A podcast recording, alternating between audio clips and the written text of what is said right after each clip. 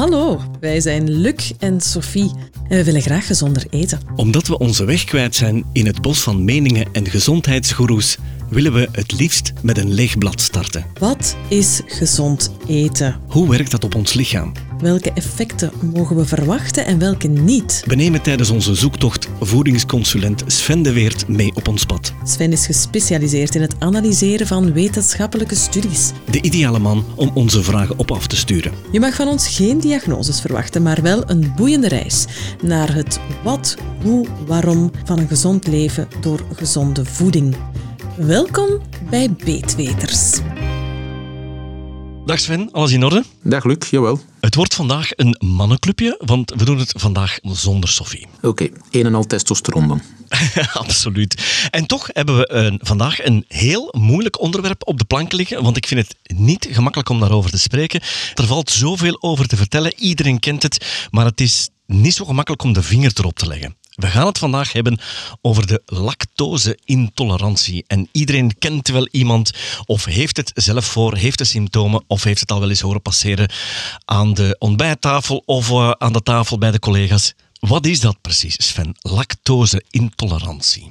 Uh, lactose is suiker. Dus uh, als we eventjes teruggaan naar helemaal in het begin, hè, twee jaar geleden de allereerste afleveringen. Lactose is suiker, is de melksuiker. Dus lactose is de suiker die van nature in melk zit. Hè, en voor de mensen die de eerste afleveringen nog niet gehoord hebben, hoort dan tot de categorie van de suikers. Mm -hmm. En dat hoort dan tot de grote categorie van de koolhydraten. Dus lactose is een suiker, melksuiker, zit in melkproducten. Hoe is dat opgebouwd? Uh, lactose is een, een, een, uh, een, koolhydraat dat opgebouwd is uit twee moleculen, namelijk glucose. En dat weet je nog, Luc, dat vonden we terug in... Het suiker? In, in druivensuiker onder andere, ja, glucose. Ja. Hè, uh, dus die. Dus is opgebouwd uit een glucose-molecuul en een galactose-molecuul. En die twee die hangen aan elkaar.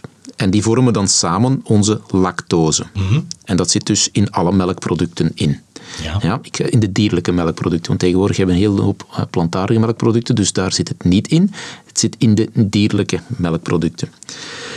Die lactose moet net zoals alle andere koolhydraten verteerd worden. Um, en dat gebeurt dus in onze darmen. En verteren wil zeggen dat dat uit elkaar gehaald moet worden. Daar hebben wij een enzym voor. Dus enzymes gaan onze voeding verteren. Of dat, dat nu koolhydraten of eiwitten of vetten zijn, gaan onze voeding verteren. En verteren is gewoon eigenlijk ja, in stukjes knippen totdat die stukjes klein genoeg zijn, zodoende dat ze door de darm kunnen. Ja. Dus die lactose moet geknipt worden. Dus dat glucose- en galactose-molecuul moeten van elkaar gescheiden worden. En daar hebben we een enzym voor nodig. En dat enzym heet lactase. Okay. En daar zit hem nu het probleem. Als we dat enzym niet hebben of dat enzym werkt niet, dan gaat dus die lactose niet geknipt worden. Dan blijven die twee moleculen aan elkaar hangen en dan kan dat problemen geven. Waar halen we die lactase? Uh, lactase is een enzym dat ons lichaam normaal gezien zelf maakt. Ja. Maar daar zit hem nu net het probleem. Uh, een heel aantal mensen, een heel aantal volwassen mensen, heeft dat enzym niet meer. En dan kan je dus lactose niet verteren. Oei, is dat iets wat normaal gezien aangeboren zou moeten zijn? Uh, ja, dus normaal gezien als baby heb je het lactase-enzym. En hoe ouder we worden, hoe minder we normaal gezien van dat enzym gaan hebben. Dus de meeste volwassenen, en het is zelfs zo dat dat vroeger, vroeger, vroeger, uh, volwassenen dat enzym niet hadden, dat dat verdween. En dat we dan geen lactose konden verteren. En nu is het zo dat um, eigenlijk door genetische variaties een aantal mensen dat toch hebben. Uh, en lactose dan wel kunnen verteren. Is dat een van de redenen waarom dat we vaak zeggen dat melk eigenlijk voor baby's en kalfjes is? Ja, dat komt daarvan. Dus, dus de baby's kunnen die normaal gezien die lactose wel ja. verteren. En dus hoe ouder dat je wordt, dus na, na, de, na, de, na de peuterjaren, gaat dat enzym gaan verdwijnen bij een aantal mensen. En dan kan je dus lactose niet goed meer verteren. En als ik het goed begrijp, dan zeg jij dat in de oertijden en daarvoor dat het niet evident was of niet normaal of niet bedoeld was om die lactase als volwassene te hebben. Ja, dat is klopt. pas later ja erbij Ja, gegroeid. dat is er later bij gegroeid. En het is zelfs zo dat bijvoorbeeld eh, in, in, in Afrika en Azië, dat daar mensen, eh, procentueel gezien, minder mensen dat enzym hebben. Dus daar hebben ze meer problemen om die melkproducten gaan te verteren. Dus wij Europeanen, wij hebben dat meer dan de, de rest van Ja, de wereld. ja. Even terug concluderen. Lactose bestaat dus uit die twee moleculen en we hebben die lactase nodig. Lactase hebben we nodig om dat af te breken. Ja. Wat is dan precies die lactose-intolerantie? Wel, als je dat dus niet gaat afbreken, dan gaat dat gaan fermenteren. Dan gaat die suiker gaan fermenteren. En dan kan dat tal van klachten geven. Ja. Zoals winderigheid, opgeblazen gevoel, die zaken. Ja, mag ik mij dat dan heel plastisch inbeelden dat als het niet verteert of als het niet fermenteert, dat eigenlijk die suiker letterlijk rot in onze darm? Ja, het gaat een beetje eh, gaan gisten. En dat is de reden waarom dat de meeste mensen die lactose-intolerantie kennen, dat die een opgeblazen gevoel krijgen, of dat, wat ik al gezien heb bij een vriendin van mij, de buik die blaast letterlijk op. Ja, we zitten dus, dus een lactose-intolerantie. Ja. Kijk, goed, die lactose verteert niet. En Daar kunnen we het zo meteen over hebben, dat, dat kunnen we testen. Hetgeen wat jij zegt, hè, want er zijn, als mensen zeggen van ik kan niet tegen lactose, is dat gewoon ook wel omdat mensen weten van ah, ik eet of ik drink een melkproduct, hè, ik, ik drink een glaasje melk of ik eet iets met kaas of ik eet een yoghurt en dan krijg ik problemen. Dat opgeblazen, dus die, die dikke buik, dat is een typisch kenmerk voor de bacteriële overgroei van de dunne darm en dat heet dan SIBO. Dus dat kan ook, want lactose is één van de koolhydraten die in het FODMAP-dieet zitten. En dus die FODMAPs, dat zijn dus verschillende vormen van koolhydraten die dat bij mensen die dat een bacteriële overgroei van die dunne darm hebben, heel slecht verteren. En lactose is er daar eentje van. Dus het zou ook kunnen, als je zegt van ja, ik eet of drink iets met lactose in en ik zwel op, ik krijg winderigheid, ik krijg al die zaken. Het zou kunnen dat het komt omdat je geen lactase aanmaakt. Ja. Maar het zou ook kunnen dat het is omdat jij een bacteriële overgroei van je dunne darm hebt. Zijn er nog andere vormen hoe dat een lactose-intolerantie zich kan tonen? Eh, wel ja, en dus die, het, het, het, het is zaak, dus eh, bij mensen met een SIBO of lactoseintolerantie, dus die klachten zijn vaak overlappend. Dus we spreken dan van, oh, krijg- ik krijg een opgeblazen buik, het, het verteert slecht, ik krijg last van winderigheid. Dat kan zelfs gaan naar, oh, ik krijg last van, van vermoeidheid, die komt dan gewoonlijk een beetje later. Of mijn stoelgang is helemaal anders, dus ik moet, ik moet sneller naar het toilet gaan. hè. Ik heb iets gegeten en ik moet naar het toilet gaan. Vaak is die stoelgang dan niet zoals hij zou moeten zijn. Ja. Hè, vaak is dat dan eh, eerder aan de, aan de platte kant, om het even plastisch te zeggen. En dat zijn heel veel, heel veel darmproblemen eh, overlappen. Hè. Dus, dus, en dan is het een beetje kijken van, ja, wat is hier nu de oorzaak?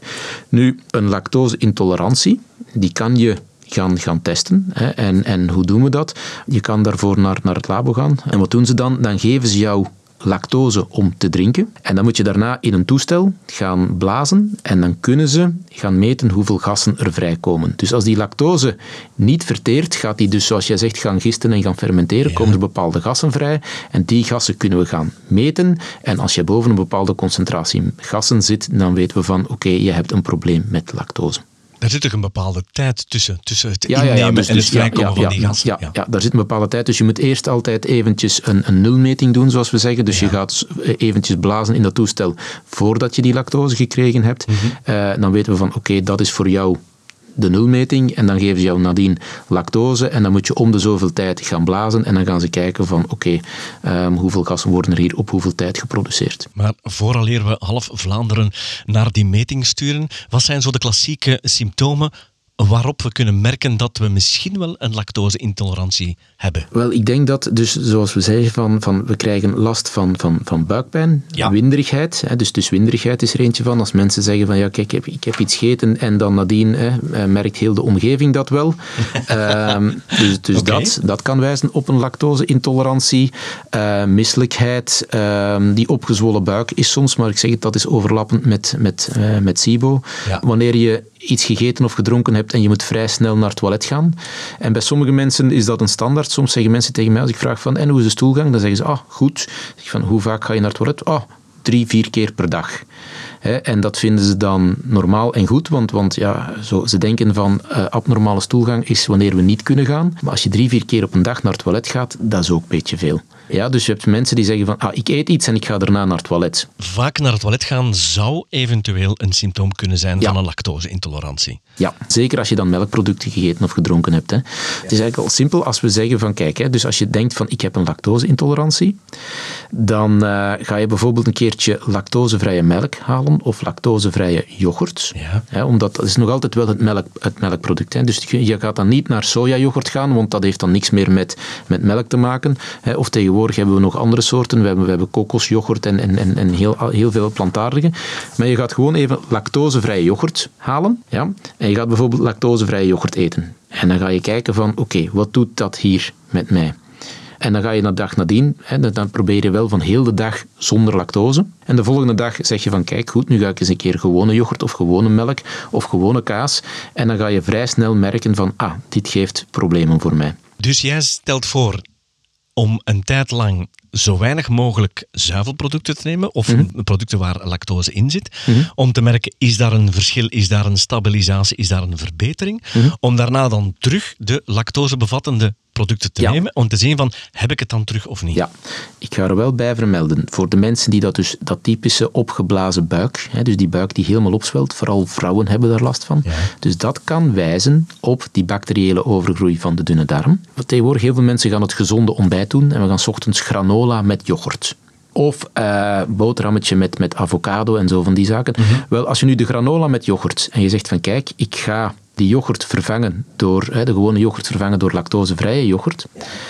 Als jij die bacteriële overgroei van de dunne darm hebt, dat is dus de SIBO, dan ga je ook reageren op jouw granola. Dan ga je die yoghurt weglaten en dan ga je zeggen van kijk, ik ga lactosevrije yoghurt gaan, gaan gebruiken bij mijn granola.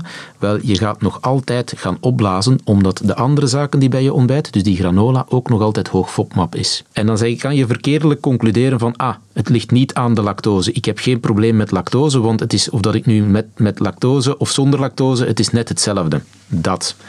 En dan weet je nog niet echt van, van, van, van ja, waar ligt het nu aan. Heel vaak wat er dan gebeurt is dat ze mensen een laag FODMAP-dieet geven, mhm. helemaal. Ja. En dat we zeggen van kijk, we gaan dat twee, drie weken doen, want dan worden alle FODMAPs weggelaten. Ik zal nog even zeggen, FODMAPs zijn vormen van koolhydraten die in heel veel verschillende voedingsmiddelen zitten, ook in groenten en in fruit en noten en zo. En die kunnen dus problemen geven bij mensen met prikkelbare darm of andere spijsverteringsproblemen. Mhm. En dan ga je zeggen van kijk, we laten dat allemaal weg. En dan kan je terug zeggen, en nu gaan we lactose introduceren. Dus dan laat je nog altijd alle andere vormen van FODMAPs weg en je begint met lactose. Ja. En als je dan meteen klachten hebt van opgezwollen buik of meteen diarree of, of ehm, die winderigheid en zo, dan kan je zeggen, oké, je kan niet tegen lactose. Dan is nog altijd wel de vraag van, kan je niet tegen lactose omdat je dat enzym niet hebt, of kan je niet tegen lactose omdat jij een bacteriële overgroei hebt? Dus wat je eigenlijk voorstelt is een, zeg maar een volledige reset of een volledig een, een zo neutraal mogelijk dieet even volgen. Mhm. En dan pas, als we al die FODMAPs eruit halen of al die koolhydraatbevattende mm producten, en dan pas die lactose erbij te stoppen, zodat we zien, is het de lactose of niet? Ja. Uh, je kan dus ook intoleranties laten testen via een bloedonderzoek. Alleen daar de bedenking, er is een verschil tussen een intolerantie en een allergie. Ja. Bij de dokter kan je laten testen op een intolerantie. Als je daarmee ergens bij de, bij de, bij de specialist gaat, uh, gaat komen, die geloven niet in die testen. Dus hier in België geloven de, de, de specialisten niet in de intolerantietesten. Dus dat, daar wordt, het zijn andere antistoffen waarop gekeken wordt. En daar zeggen ze, ja, daar, daar geloven we niet in. Dus je kan afkomen met een lijst van, van 100 verschillende intoleranties. want je kan op heel veel zaken uh, reageren dat je zegt van ik kan daar niet tegen. Uh, en dat veroorzaakt bij mij problemen van vermoeidheid of dat of dat of dat. En dan zeggen die mensen, uh, want ik ben naar, naar de voordracht geweest, van ja, wij geloven daar niet in. Wij geloven alleen maar in de testen die bewijzen dat je een allergie hebt. En wat is dan de reden waarom dat ze dat niet aannemen? Ja, omdat zij zeggen van je kan dat via die weg niet gaan testen. Een intolerantie is via die weg te testen, is niet betrouwbaar, zeggen zij. Dus zij testen alleen maar op allergieën. En er is een groot verschil tussen een allergie of een intolerantie. Ja. Want bij een allergie spreken we bij een, een, een serieuze lichamelijke reactie van, van, hè, ja, van jouw lichaam als, als, uh, als gevolg van uh, iets dat je binnenkrijgt. Hè. Dus dat kan eten zijn, dat, hè, een stof, maar dat kan bijvoorbeeld ook hè, de boompollen. Hè. Iedereen weet van, van nu, uh, nu dat we terug in het stuifmeelseizoen ja. zitten, van je kan dus allergisch... Dus dat, die, die reacties kent iedereen. Dat zijn mm -hmm. echt immuniteitsreacties van een lichaam. Allergische reacties. Ja, dus ja. dat is het immuunsysteem dat zwaar gaat reageren. Okay. Uh, bij een intolerantie is het eerder van, ja, dus ik heb last van die winderigheid, of ik krijg last van vermoeidheid, of ik krijg last van, van, van andere zaken die niet zo uitgesproken zijn. Bij een allergie is het ook zo, dus wanneer je in contact komt met die bepaalde stof waar je niet tegen kan, waar je immuunsysteem gaat op reageren, is die mhm. reactie ja, eigenlijk onmiddellijk. Ja. Bij een intolerantie kan dat zijn van, ja nee, ik reageer pas binnen, binnen drie, vier uur, of ik reageer pas binnen een halve dag, en er zijn er zelfs, ik reageer pas binnen één, twee dagen. Ja. Dus ik eet nu iets en binnen twee dagen heb ik extreem last van vermoeidheid. En dan wordt het heel moeilijk om te gaan achterhalen. Um, en dat doen ze dan met, met bloedproeven, maar in de medische wereld wordt dat dus niet door iedereen aanvaard en geloofd. En het wordt zelfs nog moeilijker, want het een zou het ander kunnen beïnvloeden, als ik het goed begrijp. Ja, het is ook zo. Dus dat is, dat is um, een beetje de theorie van uh, onze darmflora en de problemen met de darm en allergieën. Ja. Um, hè, waar we dus over spreken, je kan bijvoorbeeld een allergie hebben voor melkproducten. En dat is dan via het bloed, via die testen wel, wel merkbaar. En mensen gaan dat ook weten, want als je een allergie hebt voor melk, dan ga je meteen een hevige lichamelijke reactie krijgen. Dan weet je ook wel dat je daar niet tegen kan. Mhm. En wat is het dan? Dus je kan dan niet tegen het eiwit van, van die melk. En dan het rare is dat er bepaalde stoffen in de, lucht, in de lucht dan kunnen rondzweven, waarvan dat die eiwitstructuur lijkt op die van bijvoorbeeld melk. En dan ga je daarop reageren. En, en dat noemen ze dan kruisallergieën, eh, kruisreacties. En dan zou het kunnen dat je een allergie hebt voor een bepaald voedingsmiddel of voor een bepaalde uh, gras of pol of boom dat er, dat er rondzweeft. Uh, en dat je opeens ook niet meer tegen latex kan en zo van die zaken. En dat is omdat dus die eiwitstructuur van die verschillende zaken, of dat dat nu voeding of, of een gras of zo is, zo op elkaar lijkt dat het lichaam op een gegeven moment zegt van ah, ik kan daar niet tegen. Maar dat eiwit lijkt er ook heel hard op. Voor alle zekerheid ga ik daar ook op reageren en dat ook labelen als de vijand. En zo gaan we dus meer en meer allergische dit, dit wordt heel ingewikkeld. Ik ben blij dat je zegt, het lichaam labelt dit. Dus het lichaam gaat die lactose labelen en zeggen van, nee, dit wil ik niet meer, dit wil ik schuwen. En die krijgt dan een soortgelijk iets binnen, zoals ja. bijvoorbeeld de pollen. En daar reageren we op. Ja, maar dan is dat niet de lactose, hè, want dat is nog ja, iets. Is hè, totaal want, anders. Ja, want soms, ja, als, bij allergische reactie is het, is het gewoonlijk op het eiwit. Ja. Uh, lactose is dus de suiker uit de melk. Want ik heb al mensen gehad die dat uh, bij mij kwamen en zeggen van kijk, ik kan niet, ze hebben mij getest, ik kan niet tegen melk. En dan vraag ik van ja, maar kan je niet tegen de lactose of kan je niet tegen de caseïne? En wat Oei, is het verschil? Een gegeven. Ja, lactose is dus de suiker ja. uit de melk. Caseïne is het eiwit uit de melk. Dus mm -hmm. als jij bijvoorbeeld laat testen op een intolerantie, ja. hè, dus bij de ja. dokter, en daaruit komt melk, dan is altijd de vraag van ja, maar is het lactose of caseïne? Want lactose, dat kan je gaan verwijderen. Dus je kan, hè, dus als lactosevrije melk en zo, dan is gewoon dat enzym, dus dan is die lactose gesplitst, dat. Ja. Uh, maar je kan niet de caseïne er gaan uithalen. Ja dat zit altijd nog in, dat, in, in jouw yoghurt. En in, dus dan zeggen mensen van, ah ja, ik kan er niet tegen. En dan denken ze, het zal lactose zijn. Gaan ze lactosevrije yoghurt, lactosevrije melk hè, gaan, gaan halen. Maar als het dan de caseïne is, het eiwit, ja, dan heb je nog altijd die, diezelfde problemen. Ja, een typisch voorbeeld van wat we noemen het kind met het badwater weggooien. Ja, dus je zou moeten weten van, ja, als je laat testen van, ja, maar kan je niet tegen de lactose of kan je niet tegen de caseïne? Want dat is een verschil. Terwijl, Sven, je hebt al aangegeven, er zijn verschillende medische personen die het niet aannemen, een lactose-intolerantietest. Nee. Dus we zitten hier toch wel met een vrij complex probleem. Ja. Oké, okay, hoe pakken we dit aan? maar we zijn terug naar af nu. We zitten helemaal terug in het begin. Hè? Ja, ja, ja. Hoe, hoe, hoe, pakken we dit aan? Wel, ten eerste, als jij iemand bent uh, die dat geen problemen heeft, hè, en daarmee bedoel ik van, van oké, okay, uh, je hebt een, een gewone, normale, gezonde stoelgang, je gaat één keer per dag of om de twee dagen naar het toilet, en, en dat uh, is een normale stoelgang, daarmee bedoelen we van, die, is, die blijft niet kleven aan de wc-pot, je hebt geen halve kilometer toiletpapier nodig om alles proper te krijgen, en dat ruikt geen uren in de wind. Nee, de golden drop, zoals ze ja, zeggen. Ja, voilà. Mm -hmm. Dus de die.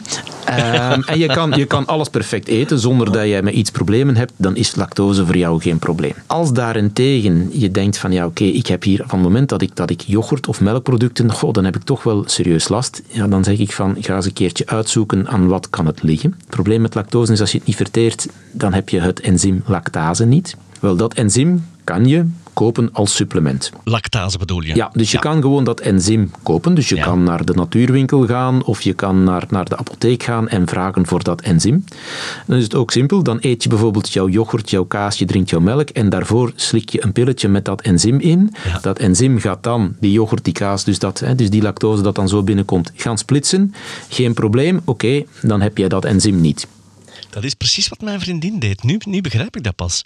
Die had in haar handtas die, had die pilletjes bij. Die zei van, als ik iets wil nemen waarvan ik weet dat het van een melkproduct gemaakt is, dan neem ik zo'n tablet en dan kan ik een bepaalde hoeveelheid daarvan eten. Maar, zei ze, ik mag niet overdrijven, Nee. want dan helpt het niet meer. Nee. Dus het was een tablet lactase dat zij nam Ja, dan. dat is gewoon een tablet Alright. lactase. Dus je kan dat gewoon gaan halen en innemen. En zo, zoals je zegt, het is dan de bedoeling dat is bij kleine hoeveelheden. Ja. Je moet dan niet gaan overdrijven en, en meteen een, een lasagne bestellen en achteraf nog Voilà. eh, een, een, een ijscreempje eh, en, en andere zaken. Dus dat, is, dat is de gewone dingen. Mhm. En dan helpt dat. Hè. Dus dat is voor het geval dat je dan die lactase niet hebt. Als dat helpt, dan weet je van oké, ik heb die lactase, dat Ja. enzym niet. Als het daarentegen van ja, het is, het is een SIBO-verhaal, hè, dus die bacteriële overgroei, ja, dat is de andere test. Dat kan je ook laten testen via ademhaling. Ja. Eh, moet je voor naar, naar een labo gaan eh, en dan geven ze jou een ander drankje om te drinken. Eh, dan gaat dat fermenteren. Als je daar dan te veel gassen op produceert, dan heb je die bacteriële overgroei. Mhm. Als je dan lactose, dan kan je ook niet tegen lactose op die moment. Oké. Maar om een andere reden. Dus het zou kunnen dat jij dus wel degelijk voldoende lactase hebt, dat Ja. jij dat produceert, dat je een van de gelukkigen bent en je hebt dat enzym wel. Mhm. Maar er zitten te veel bacteriën in jouw dunne darm en dan kan je er niet meer tegen. Dat zijn de mensen die dat bij mij komen en zeggen van ja kijk, ik ben nu 40 of 50 jaar en ik heb altijd melkproducten kunnen eten en drinken, geen enkel probleem. Ja?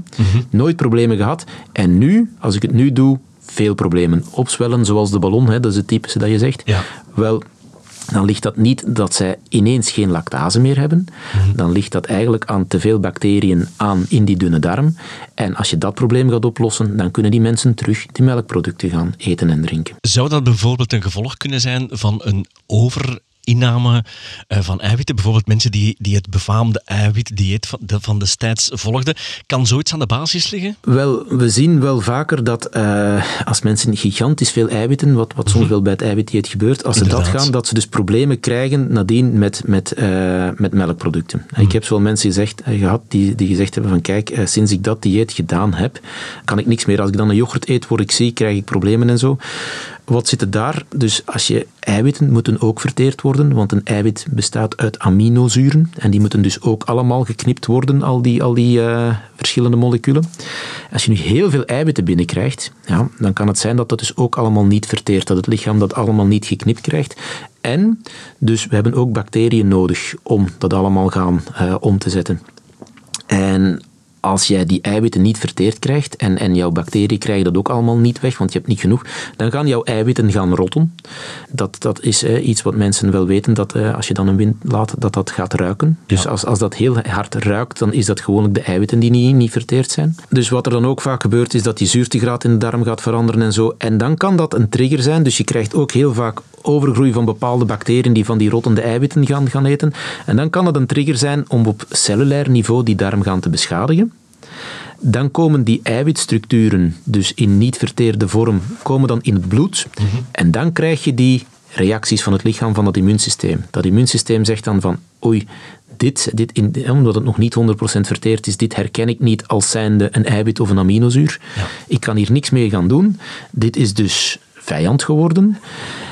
En dan, als dat lang genoeg en hevig genoeg is, gaat dat dus gemarkeerd worden als de vijand. Ja. En dan, als je nadien iets met, met melkproducten, dus iets met dat eiwit, met die caseïne, gaat Ja. nemen, dan gaat het lichaam meteen reageren en zeggen van, oh nee, daar is de vijand weer. Ja. En dan krijgen mensen meteen reacties die dat we niet willen. Ja, en daarbovenop, zoals je daar straks vertelde, soortgelijke structuren die dan ook ineens als de vijand gelabeld worden door het lichaam. ja. Dus, dus dat is dat. Maar dat is dan heel vaak omdat dus het, het eiwit, hè, dus het eiwit is de caseïne, lactose is de suiker. Bij een eiwitdieet is het heel vaak die caseïne, die dat, omdat caseïne heel moeilijk te verteren is, Ja. en heel lang en zwaar op de maag ligt, daarom dat dat vaak gegeven wordt. Hè. En ik geef een voorbeeld eh, tegenwoordig. Skir-yoghurt is gigantisch populair.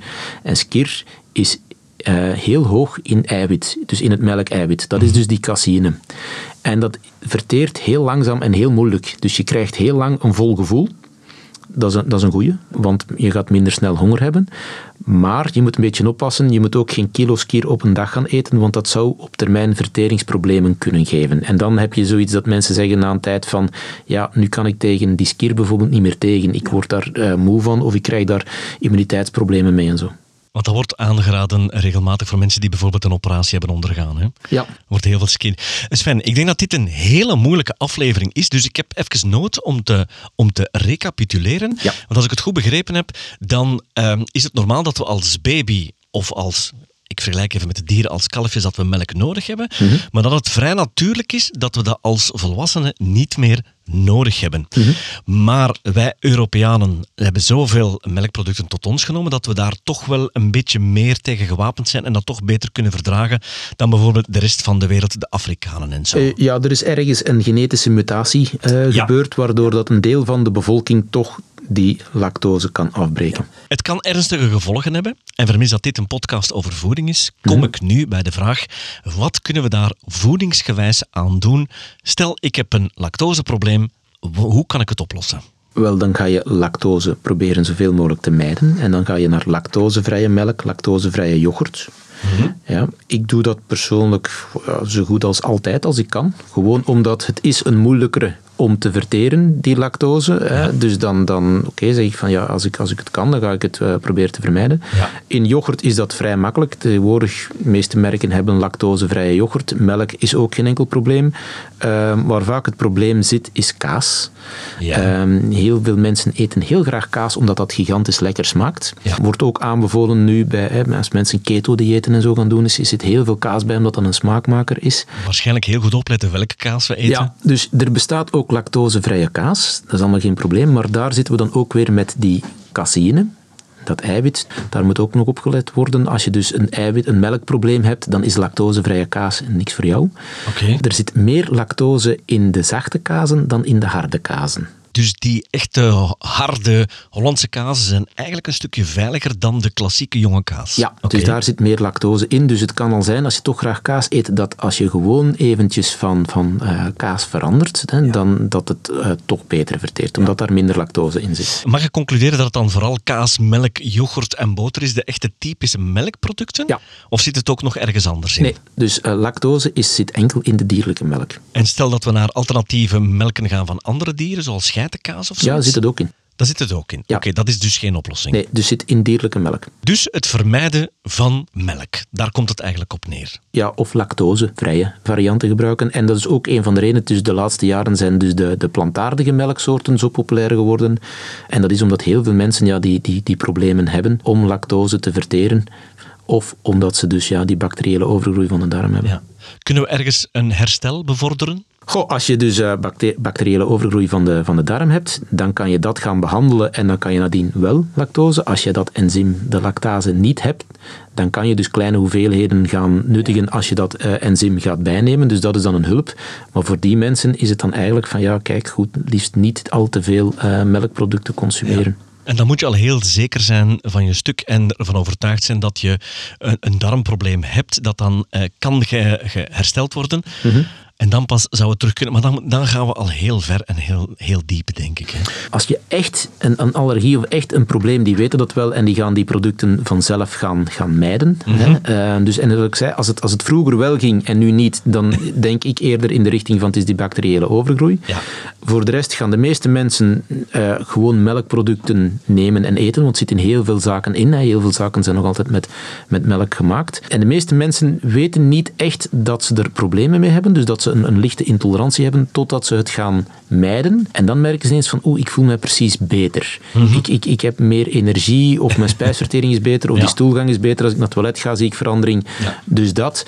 En dat wil dan zeggen van, ja, dat het lichaam daar toch problemen mee heeft, niet 100% wegkrijgt, maar het- de problemen zijn niet zo groot dat ze jou gaan beperken in jouw dagdagelijkse eh, bezigheden. En de lactase-tabletten zijn maar een hulpmiddeltje. Die zijn dus een hulpmiddeltje, die kan je altijd gaan... En het is niet enkel lactase dat je als enzym enzym als supplement kan nemen. Je kan alle enzymen als, als supplement gaan nemen. En die gaan je dan niet alleen helpen bij uh, lactose te verteren, maar ook bij alle andere zaken. En als ik het mij goed herinner, is het niet zo gemakkelijk te vinden, die lactase-tabletten? Goh, ik denk, ik denk dat, dat als je daar gewoon... Gewoonlijk is het een combinatie van uh, spijsverteringsenzymen dat in de meeste enzympreparaten zitten, maar je kan lactase op zich ook wel gaan, uh, gaan halen. Ja, het wordt al een stevige zoektocht, dan nog rekening houdend met het feit dat niet elke dokter dit aanvaardt mm. of, niet, of niet, uh, niet erkent. Dat betekent, Sven, dat dit toch een behoorlijk pittige aflevering was. Uh, ja, misschien een keertje herluisteren dan.